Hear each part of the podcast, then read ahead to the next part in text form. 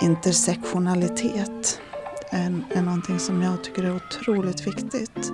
Med alltså att ta in, man är inte bara kvinna, man är inte bara eh, från Sverige och så vidare. Utan, eller barn, eh, man är också eh, en det ena och en det andra. Eh, och alltihopa som vi är, eller som vi definierar oss som själva, påverkar ju oss i eh, olika maktstrukturer. Och bara det att vara ett barn i en vuxenvärld eh, gör ju någonting med både hur vuxna förhåller sig och också hur barn förhåller sig eh, till utrymmet att bestämma till exempel.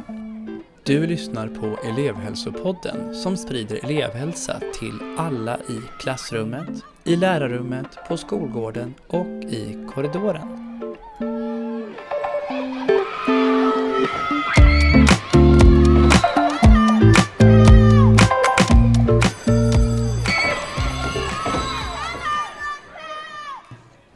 Hej och välkomna tillbaka till elevhälsopodden. Det här som du lyssnar på, det är en podd som görs av oss som jobbar på Uppsala kommuns avdelning barn och elevhälsa. Jag som pratar heter som vanligt Stefan Boström och är psykolog. Eh, vi håller på med ett tema om barnrätt och i det första avsnittet eh, pratade jag med Lisa Sköld som är verksamhetschef på något som heter Barnombudet i Uppsala. Hon är ju eh, expert på det här med barnrätt och gav oss en fin invallning i vad ämnet handlar om. Vad är, vad, vad är det för ord vi använder när vi pratar om barnrätt? Och eh, hon introducerades också, eller nyintroducerade oss till barnkonventionen. Vi är ju många som känner till den eh, lite grann. Men kanske inte riktigt vet vad vi ska göra med den. Eh, så. Eh, Eh, och det är det vi ska prata om i det här avsnittet faktiskt. Eh, hur vi kan förhålla oss till barnrätt och, och, och så i vår skolvardag. Eh, och jag hoppas verkligen att det här avsnittet kommer ge oss som jobbar i skolan eh, ja, men, tankespjärn men också mm, praktiskt hur vi kan eh, jobba eh, med barnrätt mer i skolan. Eh, och till min hjälp för att göra det här så har jag bjudit in ehm, Nilla Wikberg. Välkommen! Tack! Vad kul att sitta tillsammans med dig och prata om det här en stund. Mm, det ska bli spännande. Ja. Mm. Um, vi är ju kollegor. Du jobbar också i samma avdelning barn och elevhälsa som jag. Ja. Men kan inte du berätta för lyssnarna vem, vem du är och vad du gör på jobbet? Ja, vem är jag? Eh, I mitt yrke så är jag specialpedagog, eh, förskollärare i botten och eh, jobbar med att stödja och mm, handleda och utbilda förskolepersonal och rektorer i olika frågor som handlar just om att vidareutveckla förskolan så att den ska bli tillgänglig för alla barn. Mm. Just det. Precis, och ni är ju eh, ett gäng, eh, mycket, många specialpedagoger som jobbar, som ni jobbar centralt men ni jobbar mot specifika förskolor. Ja, det gör vi. Um, när vi liksom förpratade lite grann uh, inför mm. den här intervjun, då nämnde du att du, uh, något som jag tyckte var lite coolt, du sa att du var barnrättsstrateg. Vad ja, vad och vad, det vet jag inte om jag är, men jag har gått, gått en barnrättsstrategutbildning. Mm. Eh, och vad är det? Ja, eh, det handlar ju om att vi måste se till att barnkonventionen faktiskt eh, börjar leva. Mm. Mm.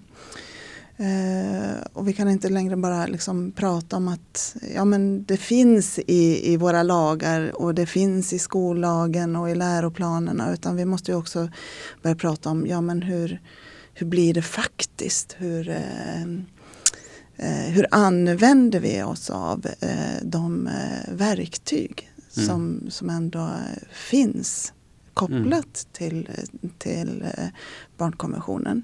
Just det. Mm. Ja, men så du är lite så här ödmjukt kopplade till att du har gått en utbildning eh, som för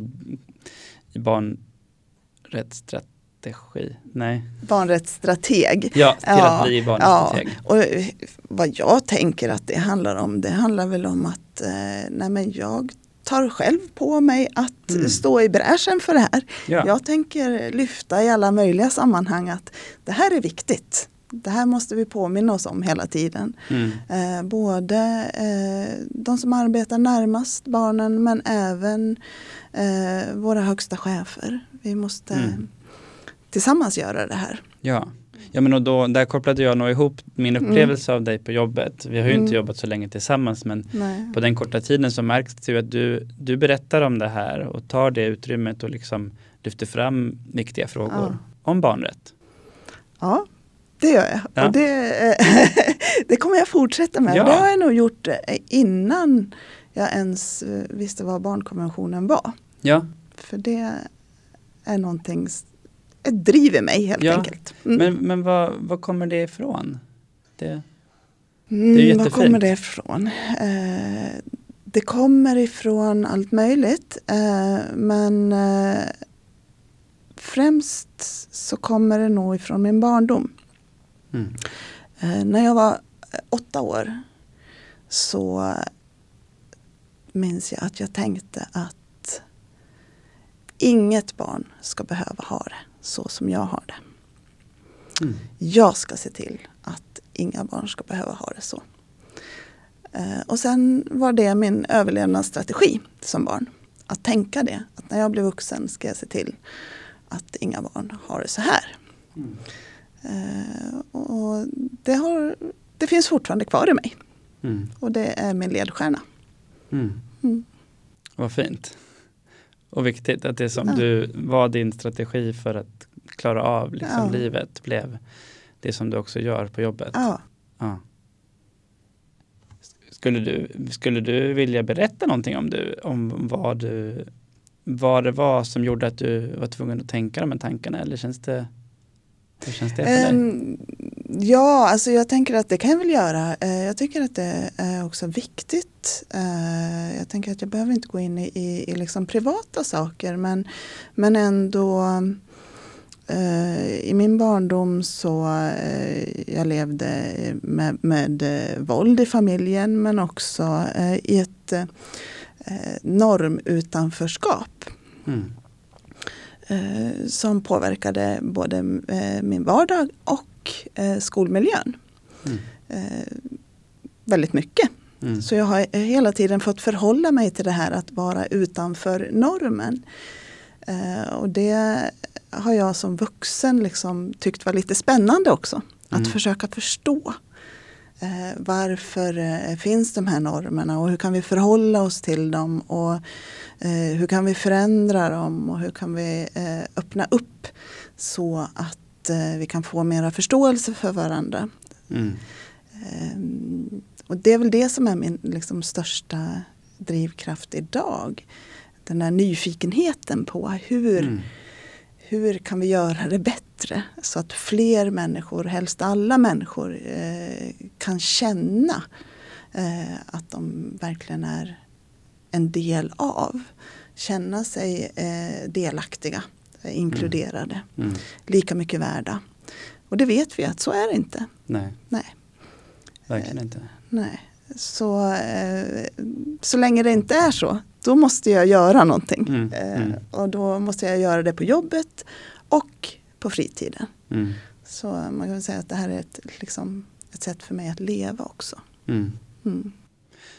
Jag fick en tanke nu när du sa det här att, att det, det också blir som ett intresse Mm. eller och en, stat, en strategi att visa intresse för det. Mm. Och då tänker jag så här, mm, det är ju något som vi vuxna, alltså vi, vi har ju liksom den möjligheten att, alltså du, du liksom reflekterar kring att ja, men det här är mitt intresse. Så du, Mm. du har möjligheten att kliva ur det, Ja. den positionen. Nu blev vi direkt Mm. väldigt liksom, jag vet inte, djupt eller på något sätt. Men Ja. du, jag bara reflekterar att du har ju möjlighet att kliva ur den positionen. Men när jag tänkte på, jag känner ju inte Nilla som Mm. barn, men Nej. du hade nog inte samma möjlighet att kliva ur det för att visa intresse för ditt liv utan du var ju i det bara. Ja, så var det.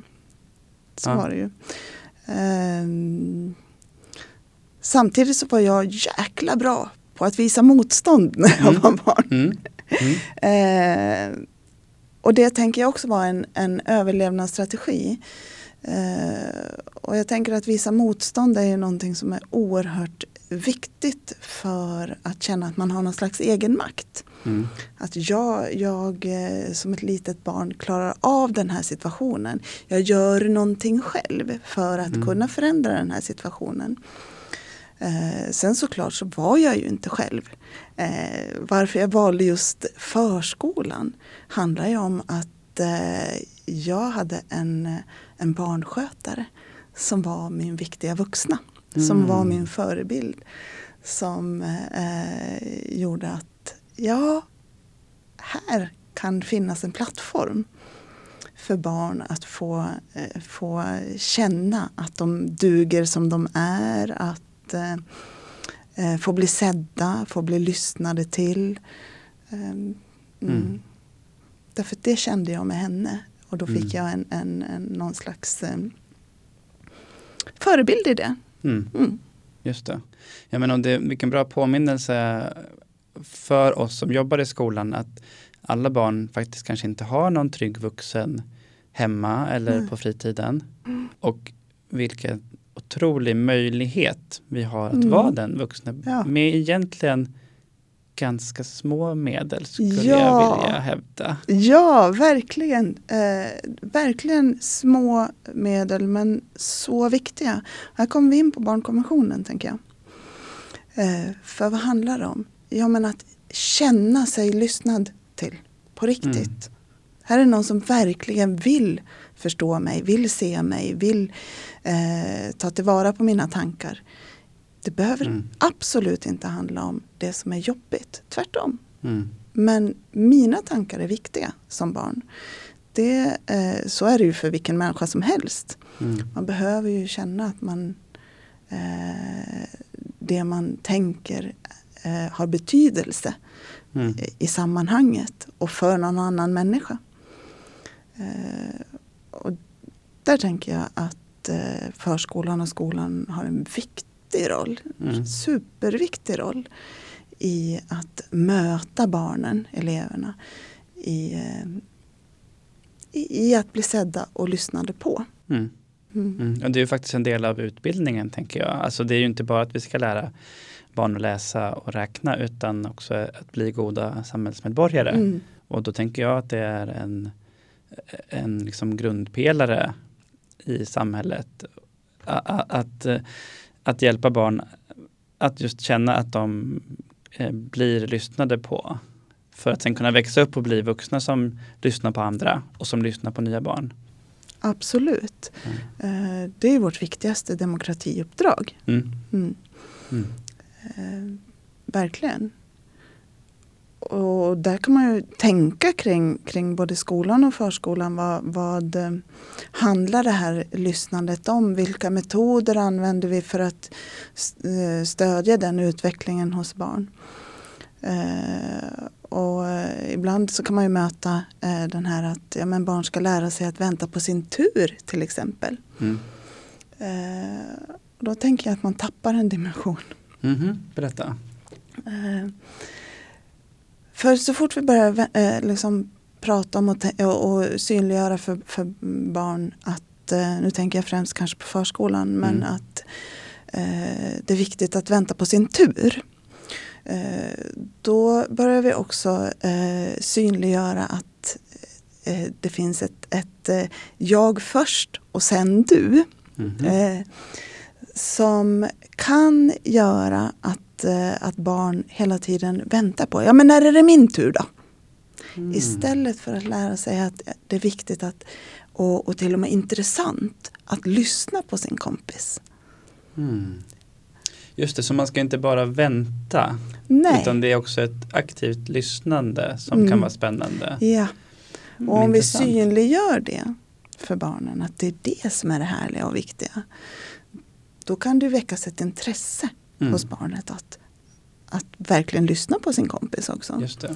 Eh, men får barnet vänta på sin tur så blir det det här väntandet. Ja men när är det min tur då? Mm, mm. Snart är det jag. Ja, Och då, då håller man ju emot liksom Mm. någonting. Och jättesvårt, tänker jag, att, att eh, göra ingenting. Eller att bara, ja, att just bara vänta liksom. Ja, och har man lite svårt med att vänta så blir det ju att man som barn använder sig av, av de strategierna man har då. Att, att upprepa, när är det min tur, när är det min tur? Eller mm, kanske hitta på någonting annat Mm. medan man väntar. För det. väntandet blir, blir grejen Mm. istället. Just det, något annat att göra liksom. Ja. Pilla på kompisen Mm. eller se, ja, vad som helst. Ja, just det. Ja, vad intressant.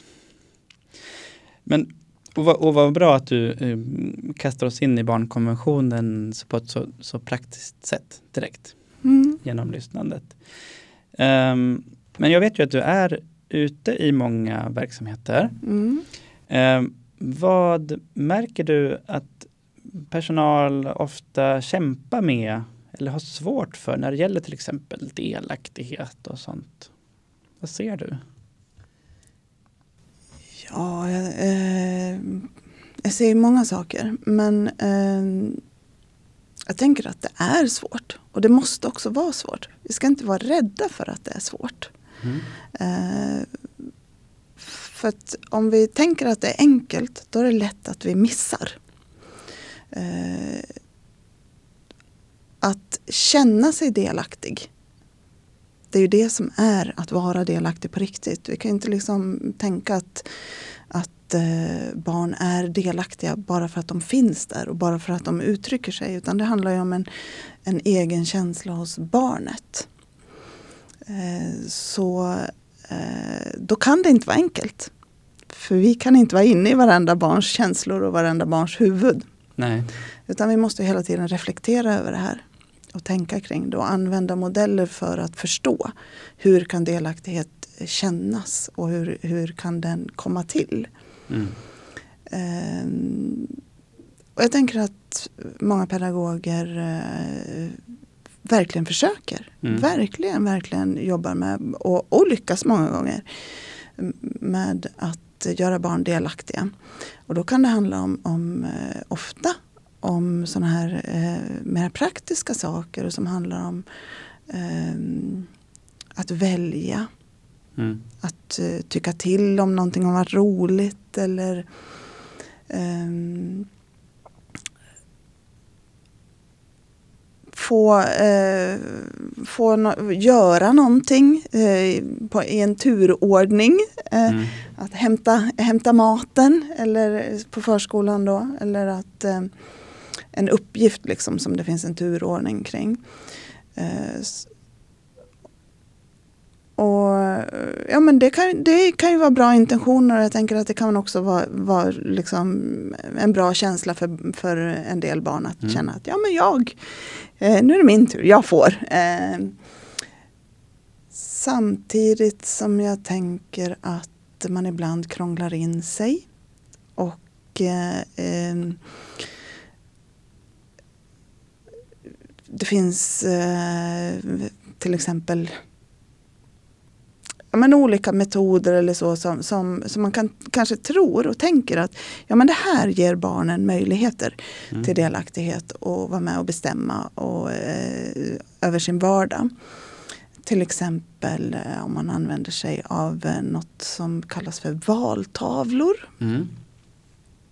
Det kan man använda på många olika sätt beroende på hur man använder de här, eh, om vi kallar dem för valtavlorna. Då, så kan barn känna delaktighet och inflytande över sin vardag.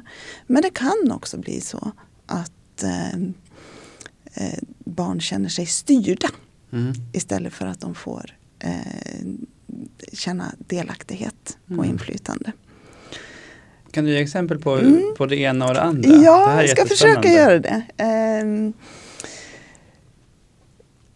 De här valtavlorna eh, används ibland eh, för att barn ska få eh, möjlighet att bestämma var de ska vara någonstans, vilket rum, eh, vilka leksaker de ska leka med, vilka kompisar de ska vara med. Mm.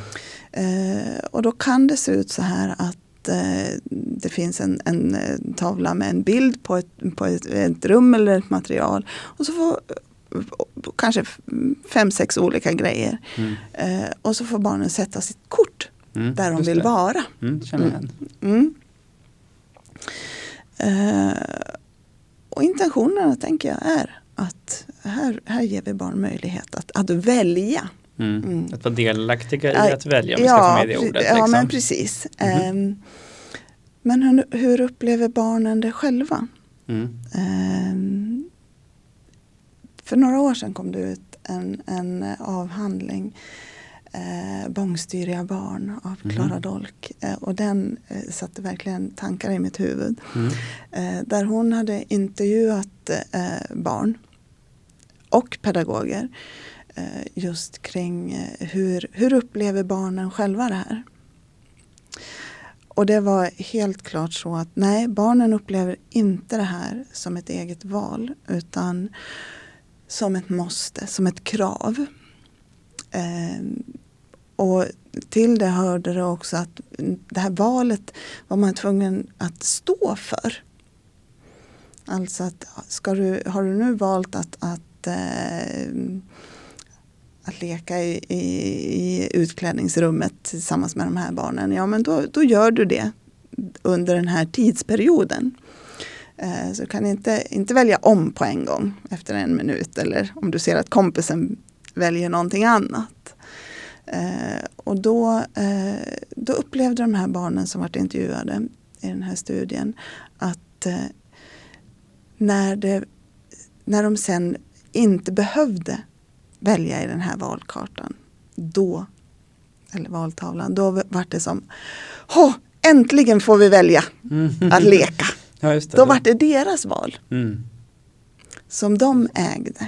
Mm. Så eh, intentionen att ge barnen va, eh, liksom inflytande över sin vardag, Mm. den misslyckades i det här. Mm. Nu har det faktiskt kommit lite mera studier kring det här alldeles nyligen Mm. som, som visar på samma sak. Eh, så jag tänker att de här, eh, man behöver tänka kring syftet Mm. med eh, är, det, är det valet i sig som, eh, som barnen ska få möjlighet att känna att ja, men jag har ett val. Eh, jag har ett val. Ja, då innebär ju det att vi måste ju lägga valet så att på den nivån som barn klarar av. Och i förskolan så har ju inte barnen ännu utvecklats så att de kan eh, se konsekvenser av sina val. Mm. Just det, men jag ångrade mig. Jag ångrade mig i det. samma sekund som min kompis valde något annat. Mm. Ångrar jag mig. Mm. Mm. Eh, eller eh, att eh, förstå vad man väljer bort. Mm.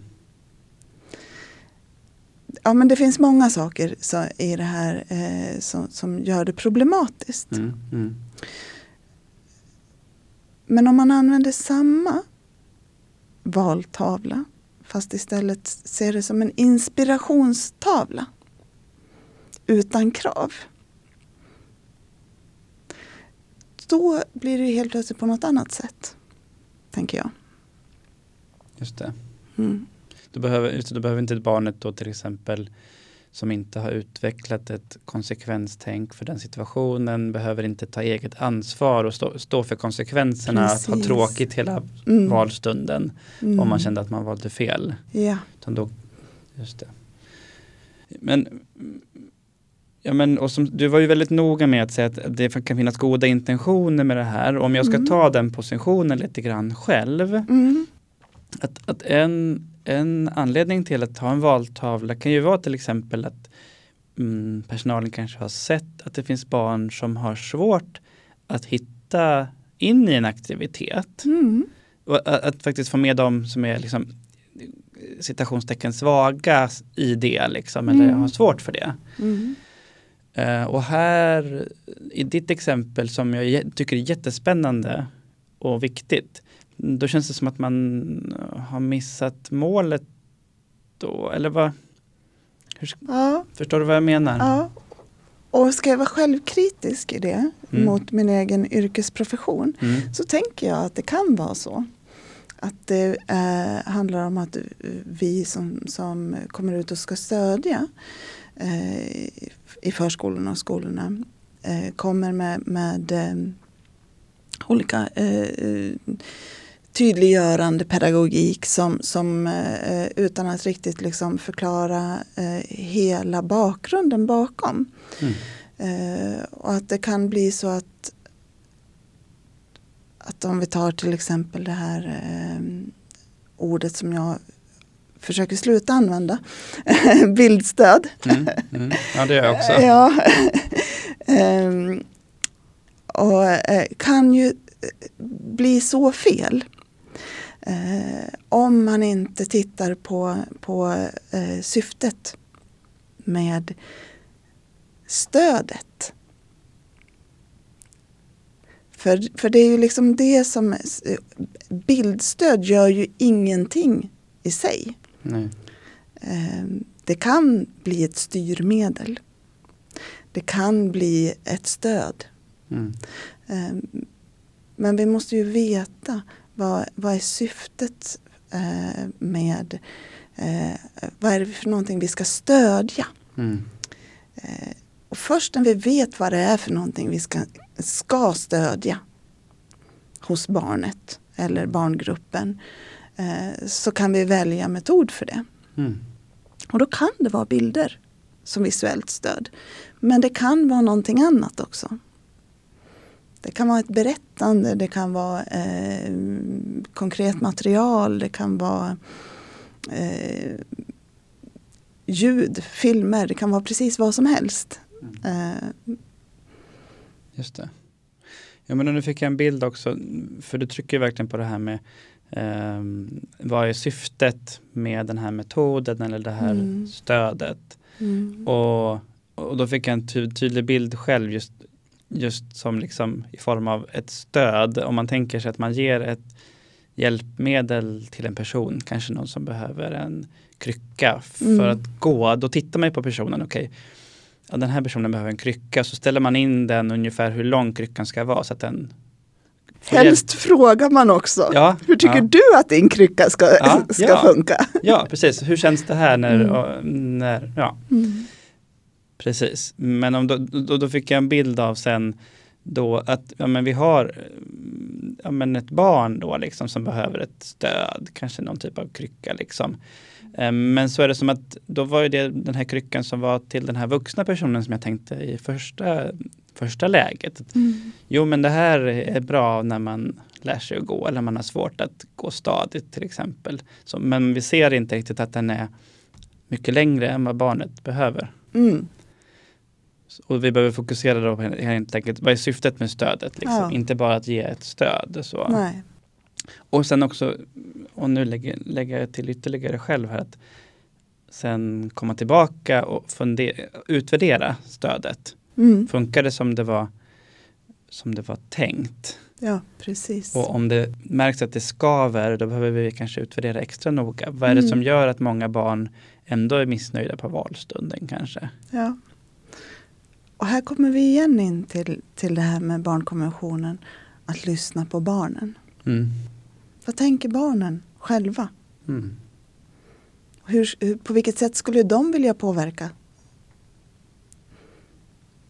Mm. Barn har ju otroligt mycket bra idéer kring det. Mm. Just det. Mm. Ja, ja, och, eh, och där tänker jag verkligen att, att det samtalet med barnen, Mm. det här vardagssamtalen, där, där eh, småpratet med varandra, där fångar man ju upp otroligt mycket eh, kring vad barn tänker om sitt liv, om sin, sin förskola, sin skola. Eh, och det är där vi kan också hitta många lösningar kring det som blir svårt. Mm. Absolut.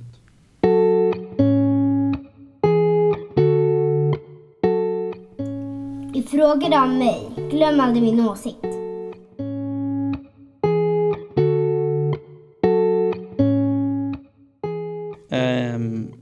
Men jag jobbar ju inte i eh, förskolan. Eh, jag jobbar i skolan. och där eh, jobbar mycket med barn som behöver mycket stöd och där, är, där finns det ju en stödstruktur i att man jobbar med eh, först ledning och stimulans och sen Mm. så ger man extra anpassningar och så Mm. sen ger man särskilt stöd. Mm. Eh, och jag tänker att själv att ju mer vi kan få in ett barnrättsperspektiv i våra strukturer, Mm. desto bättre. Och nu hoppar vi tillbaka till förskolan och där vet jag att det finns något som heter handlingsplaner. Jajamän. Och då tänker jag återigen, de, många som Mm. lyssnar kanske jobbar i skolan. Mm. Jag tänker att det finns mycket likheter så Ja. de kan fortsätta lyssna på det vi pratar om nu ändå. Ja. Men handlingsplaner i förskolan, Mm. hur gör man barn delaktiga i dem? Tänker du? Ja, det är ju inte helt lätt eh, förstås. Eh, och där behöver man ju verkligen tänka kring det här med eh, vad blir, eh, vad blir överkrav? Det tänker jag man behöver tänka på i skolan också. Verkligen. Eh, hur mycket ansvar lägger man på, på barnen och eleverna för, eh, för delaktighet? Eh, på vilket sätt kan vi göra dem delaktiga så, så att det faktiskt eh, gör barnen väl. Att det blir barnens bästa om vi ska eh, använda barnkonventionens. Ehm, jag tänker att i, i förskolan så handlar det om att eh, för det första så, så måste vi känna barnet, skapa en relation. Det är nummer ett. Eh, och i den relationen så, så kommer man ju att börja förstå att det här barnet vill ha det på det här sättet. Då blir det allra bäst. Därför då verkar barnet må bra. Eh, och det behöver man ju sätta ord på förstås. Eh, tillsammans i arbetslaget, ibland tillsammans med barnet. Men det är en avvägning. Men sen är det ju också så att barn använder sig av en otrolig massa strategier Mhm. hela tiden Mm. för att eh, det ska bli så bra som möjligt för, för dem, precis Mm. som vi alla gör. Mm. Ehm, och de strategierna kan ju antingen vara till en hjälp för barnet eller en stjälp. Eh, men det är i alla fall barnets egna strategier och det är den bästa som barnet kan komma på. Och då måste man tänka kring de strategierna och försöka få syn på de strategierna i en kartläggning. Vilka, vilka strategier använder sig barnet utav? Mm. Eh, ta hjälp av vårdnadshavare. Hur ser ni? Vad, vad är det för någonting eh, som eh, hjälper barnet i hemmet? Mm. Och, och hur tänker ni att det eventuellt skulle kunna vara en hjälp på förskolan? Just det. Men kan du ge ett exempel på Mm. då, mm, för jag tror att det kanske är ett lite nytt sätt att se på barnet och hur, Mm. det, hur det agerar, att tänka på det som strategier. För Mm. ofta när man har ett barn eller en elev som behöver mycket stöd, Mm. då tänker man ju ofta på att beteendena innebär problem för barnet eller för andra. Mm. Kan du ge exempel på vad, vad en strategi, vad du ser att en strategi kan vara för någonting? Ehm, en strategi ehm, skulle kunna vara att ehm, eh, springa och gömma sig. När det blir för jobbigt. Jag hittar inte ord, jag vet inte, känslorna blir för starka. jag blir lite rädd i den här situationen som barn. Mm. Om jag springer härifrån så känns det skönt. Mm. Mm. Just det. Ja men just det. Mm. Och då innebär det ett, ett problem kanske för de vuxna. Om de inte vet, vad barnet Ja. är. Men för barnet är det en lösning i alla fall Precis. på kort sikt. Ja. Just det. Och hur menar du att man då utifrån att få syn på vad som är strategier för barnet. Hur kan man Mm. då göra barnet delaktig indirekt eller direkt? Ja, men jag tänker just, just ett sånt exempel, eh, när, om det skulle handla om att barnets strategi eh, är att springa därifrån. Den är ju faktiskt väldigt bra att kunna ta tillvara på. Mhm. Ja, eh, det är en superbra strategi tänker jag. Mm. Eh, det gör vi ju alla. Tror, det är väl det första vi gör om, om vi liksom känner att nej men här är det obehagligt att vara. Då går man därifrån. Mm. Eh, Och att göra det eh, tydligt för barnet att det är okej. Mm. Det är till och med bra. Just det. Vad skönt. Men jag finns här om du vill komma tillbaka. Eh, Men också att få kanske känna att, eh, att veta var man kan springa någonstans. Här är min, mitt ställe där jag tycker om att vara. Mm. Inte där jag blir placerad som straff.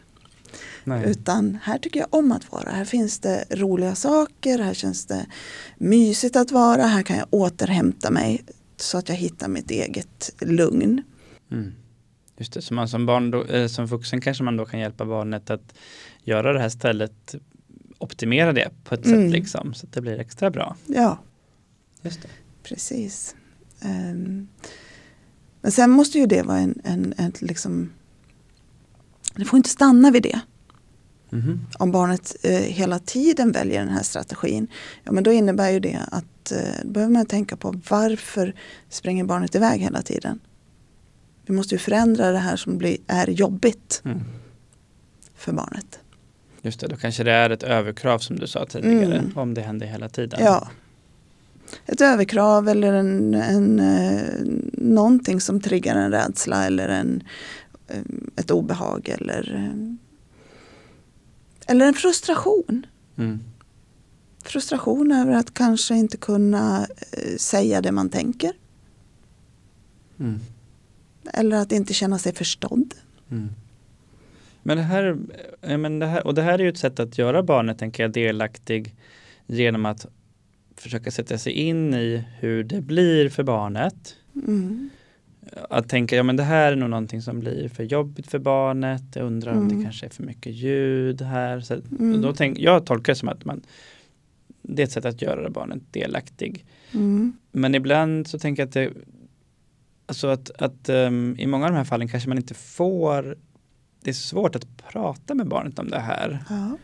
Och att det kan ge en frustration, att man Mm. kanske kan tappa bort Mm.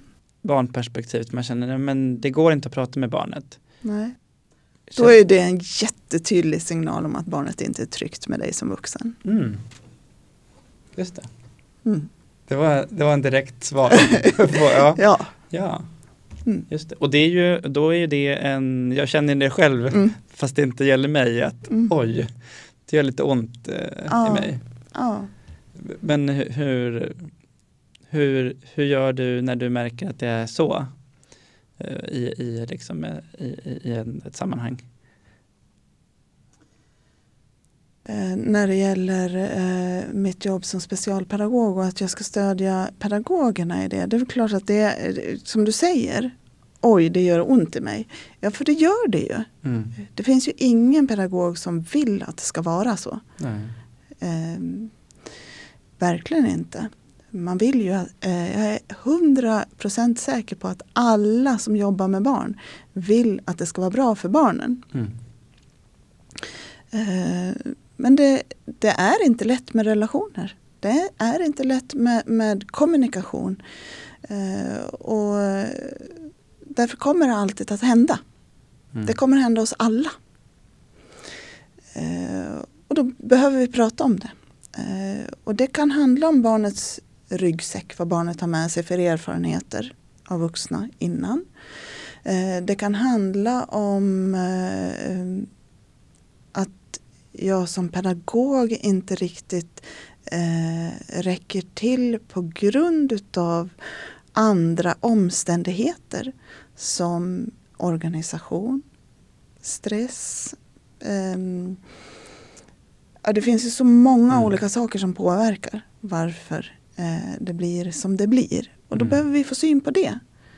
Just det. Men precis, jag tror, ja men det gör ju ont att känna att man inte räcker till. Mm. Och speciellt om det är för ett barn. Mm. Men nu när du, när du säger allt det här, då känns det samtidigt lättare. Eller då känns det direkt lättare och jag tänker att du, du moraliserar inte över det utan du är väldigt direkt. Mm. I, du var väldigt direkt i ditt budskap till mig. Ja. Och sen så eh, moraliserar du inte över det sen utan bara pratar om det. Ja. Jag sätt? tänker att vi behöver prata om det. Mm. Eh, Vi kan inte komma ifrån det. Det finns där. Det Mm. är svårt. Mm. Ja, Mm.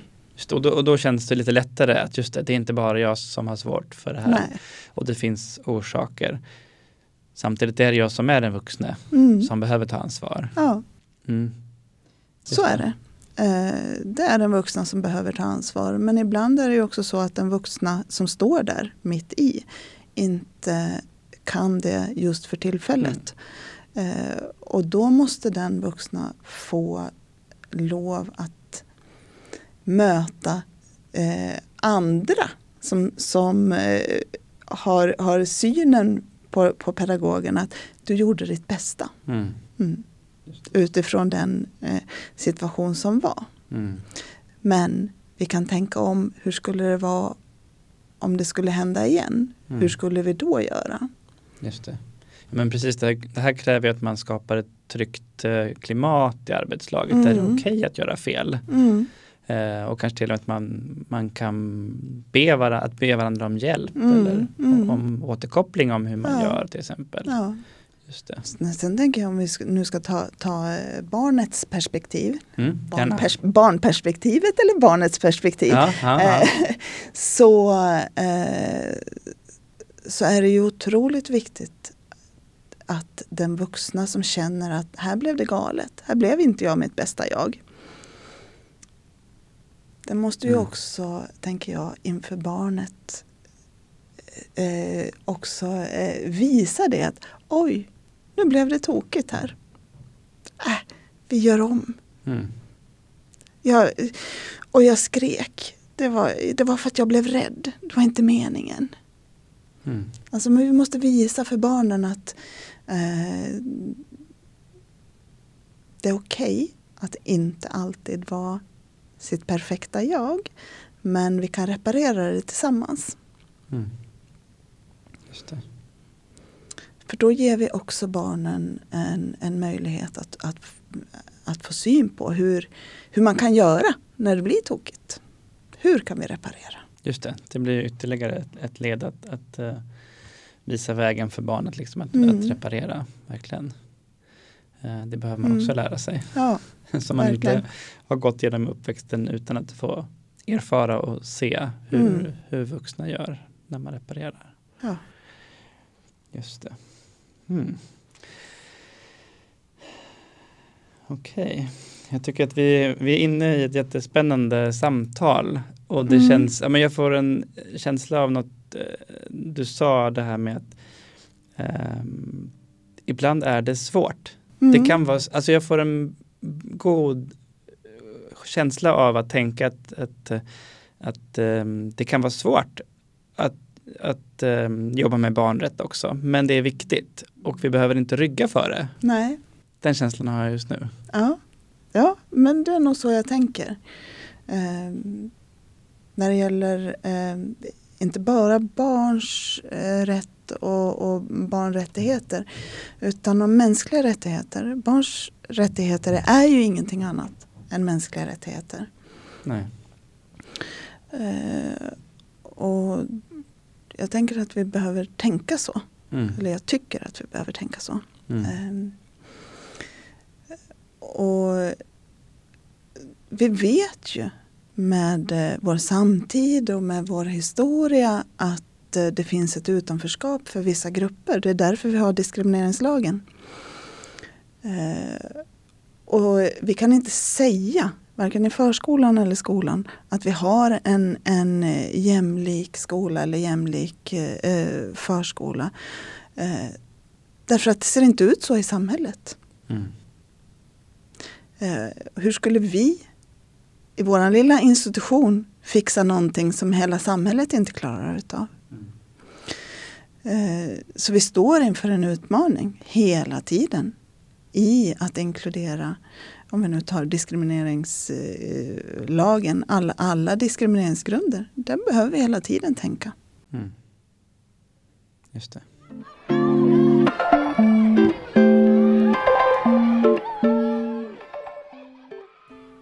Vi, eh, nu gör jag ett sånt här litet hopp igen, Mm. om det är okej. Mm-mm. Ja.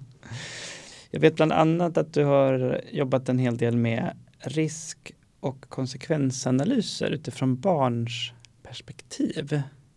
Ja, det är nog lite ljug höll jag på att säga. ja, eh, jo men eh, indirekt har jag gjort det. Mm. Direkt ibland, men eh, ehm, direkt kanske mera när jag jobbade som förskollärare. Mm. Berätta. Ehm, därför att eh, då var det ju hands-on. Eh, och när det var eh, omorganisationer på, på förskolan eller när det var eh, man skulle jobba med olika, eh, att förändra strukturer i, i ja, både arbetslag men även eh, i innehållet i, i förskolans vardag. Mm. Så att, att då tänka kring vilka barn har vi och på vilket sätt tänker vi att de kommer att påverkas av eh, våra förändringar. Hur kan det bli på, på barn, barn, just de här barnens allra bästa sätt? Är det någonting vi behöver tillrättalägga? Är det någonting som eh, vi behöver fundera kring, kring just eh, enskilda barns eh, sätt att fungera? Eh, och jag är för det här lite mer strukturerade. Mm. För jag tänker att där fångar vi upp. Eh, då får vi också eh, ett underlag för att analysera. Eh, och förstå på flera olika sätt. För det, det eh, tänker jag är den här eh, risk och konsekvensanalysernas, eh, det som är så himla bra med dem, är ju att vi, vi i dem kan se och förstå på många olika sätt. Mm. Det är liksom eh, egentligen huvudpoängen i dem, tänker jag. Eh, för om vi, ska, eh, vi har så många olika barn och vi har så många olika sätt att fungera på. Om det ska bli på allra bästa sätt eh, som vi kan utifrån de flesta. Då måste vi försöka förstå på Mm. massa olika sätt innan vi kan eh, ta det där beslutet. Och eh, då måste vi verkligen kartlägga ordentligt. Kanske inte bara kartlägga utifrån det enskilda barnet utan också eh, kartlägga utifrån, ja men vad säger forskning? Och beprövad erfarenhet. För det finns det ju massa som vi kan, kan liksom lägga till Mm. för att förstå ett varv till innan vi eh, bestämmer oss för, ja men det här är det bästa. Eh, och det här är ju någonting som man inom förskolan i alla fall har någon slags tradition av att göra. Ehm, Att ta barns perspektiv. Ja, att fundera på, man kanske inte bara eh, tänker utifrån barnkonventionen eh, men eh, att man pratar om och att man funderar kring eh, ja, men, hur ska grupperna se ut till nästa termin? Vad behöver vi tänka på? Vilka barn behöver vi ta särskild hänsyn till och så. Eh, det tänker jag att man gör, eller Mm. det vet jag att man gör. Eh, men eh, men kanske inte så strukturerat och kanske inte utifrån ett, ett större perspektiv Nej, så, på gruppnivå. Utan det kanske handlar mer om, om, om individnivå, vilket eh, förstås är bra. Men eh, kanske behöver titta från andra håll också. Och du menar, jag tyckte det var intressant för men jag har också gjort, man har varit med om en del om organisationer Mm, i skolans mm, värld också. Mm, Och då gör man ju en, en sån risk och konsekvensanalys. mm, Och jag kan inte säga alltid, men ibland har man med ett, ehm, ett barnperspektiv, Mm. inte en kanske barns perspektiv, Nej. alltså att vi pratar med barnen direkt om den förändringen som kommer ske. Det gör man liksom lite senare när den analysen är klar kanske. Ja. redan. Man tänker att man ska bespara barnen. mm, just det. Eh, Men det, så där, där går det nog att, som sagt, som du säger, vara mer systematisk, att, att få med barn, eh, barnperspektiv och barns perspektiv. Mm, Men det du säger också som jag tyckte var spännande nu, det var att man faktiskt kan ta in liksom forskning och beprövad erfarenhet i den här analysen på till exempel organisationsförändringen. ja. Och det är ju vad barnkonventionen säger att man ska. Okej. Mm. Så eh, eh, ska man göra en sån här riktig då, eh, risk och konsekvensbedömning eh, utifrån barnkonventionen som lag, då behöver man ta in forskningen. Sen kan man göra den här enklare prövningen. Och då behöver man inte göra det utan då är det ju mera det här eh, som vi pratar om i vardagen. Liksom, hur blir det på allra bästa sätt för, för just den här barngruppen eller det här. Då är det en enklare prövning. Men ska vi göra en riktig eh, risk och konsekvensanalys då eh, behöver man eh, ta in forskning. Mm. Mm. Det är som ett, ett yttre perspektiv Ja. också. Så. Ja. Just det, men viktigt. Mm. Det är spännande eh, om vi pratar om den här barnrättsstrategutbildningen som jag gick. Mm. eh, Så var det massa människor ifrån, från eh, hela landet som gick den här. Eh, Det var digitalt under coronatiden. Men, men också eh, människor som jobbade med allt möjligt. Mhm. Precis allt möjligt. Eh, och det som var spännande var att eh, de här risk och konsekvensanalyserna som eh, man gör för barnets bästa var som en självklarhet att göra när man bygger bostäder, när man gör vägar, när man eh, jobbar i restaurang. Mm. Mm. Medan eh, erfarenheterna av, av att göra risk och konsekvensanalyser inom skolans värld. Där tar man mer för givet Mm. att ja, men vi jobbar ju med det. Mm. Så de eh, det görs inte alls på sam, samma sätt i, i, i de eh, verksamheter som jobbar närmast barnen. Mm. Så vi kanske kan eh, lära oss någonting av Definitivt. vägbyggare och- och. Definitivt. Ja, Ja, det. det. var otroligt spännande faktiskt. Ja, jag förstår det. Nya perspektiv om Ja. inte annat. Så. Men du, jag var också sugen på, mm, för du sa också faktiskt innan vi började spela in att du läser en hel del forskning. Mm.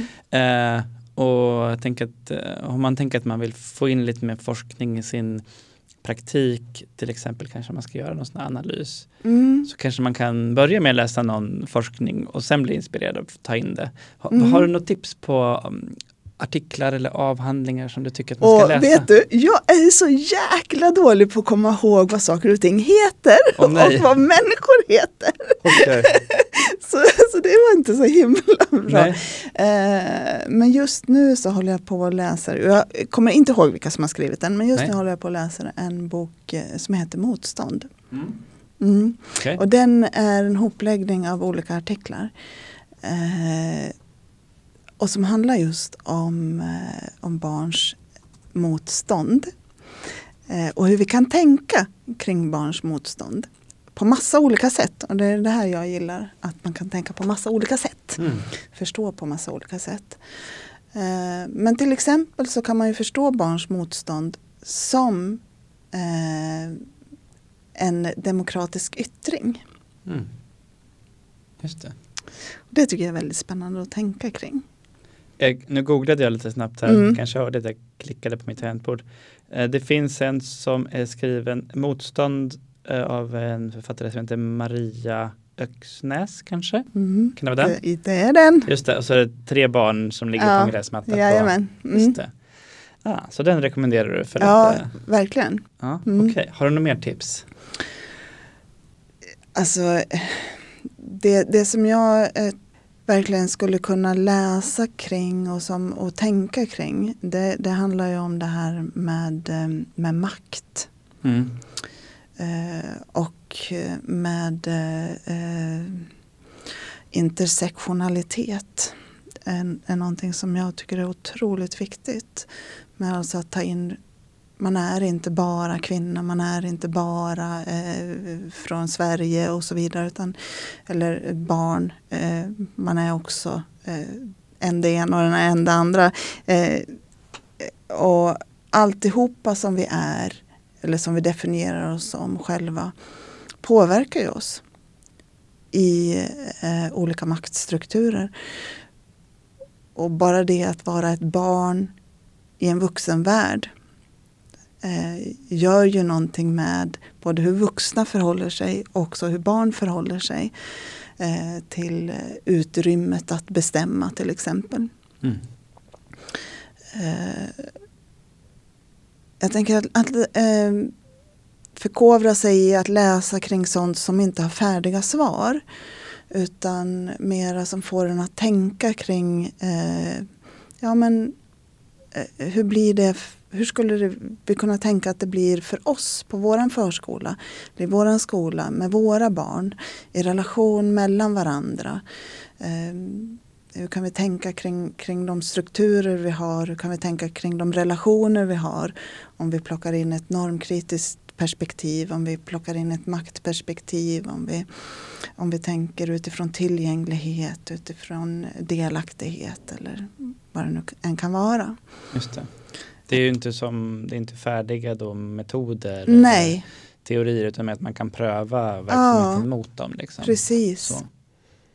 Just det, då händer det grejer. Då jag. händer det grejer. Ja. ja. det gör det. Ja, och det är det vi vill. ja. Uh, och behöver, kanske för att förändra oss, att få nya perspektiv. Ja, jag tänker det. Mm. Jag med. Mm. Vet du vad Nilla, jag börjar känna att, att um, vi har fått med oss jättemycket från det här samtalet. Uh, det känns som att du och jag skulle kunna fortsätta mm. länge än. Yeah. Men jag tror kanske att vi ska nöja oss där. Mm. Absolut. Ja. Vad kul eh, att få höra dina perspektiv om vad som är viktigt eh, ja. att jobba med kring det här. Tack för att jag fick uttrycka dem här. Ja, mm. självklart. Och jag tror verkligen att många som lyssnar, både som jobbar i skolan eh, och förskolan, kommer, kommer tycka att det är spännande. Mm. Just att ja, men du har gett en del tips, men du har gett mycket, mycket ingångar och öppnat upp för nya tankar, tänker jag. Där man tänker, mm. Hmm, det här behöver vi prata om ja. på vår förskola eller mm. vår skola. Ja. Det tror jag verkligen. Så tack för att du var med. Tack. Och eh, tack till dig som har lyssnat på elevhälsopodden. Vi som eh, jobbar med elevhälsa och gör den här podden tycker att det är otroligt viktigt, eh, kanske det viktigaste, och vill ju jättegärna sprida budskapet om elevhälsa och i det här fallet om barnrätt. Och om, så om du tycker att det var intressant, eh, sprid jättegärna ordet om podden, kanske i eh, ert fikarum. Eller sätt upp någonting på en anslagstavla. Eh, eller dela den i dina sociala medier. Då skulle vi bli jätteglada så att vi kan komma ett steg närmare eh, att få barn, kanske ska lägga till, och elevhälsa åt alla. Så tack för att ni lyssnade och på återhörande.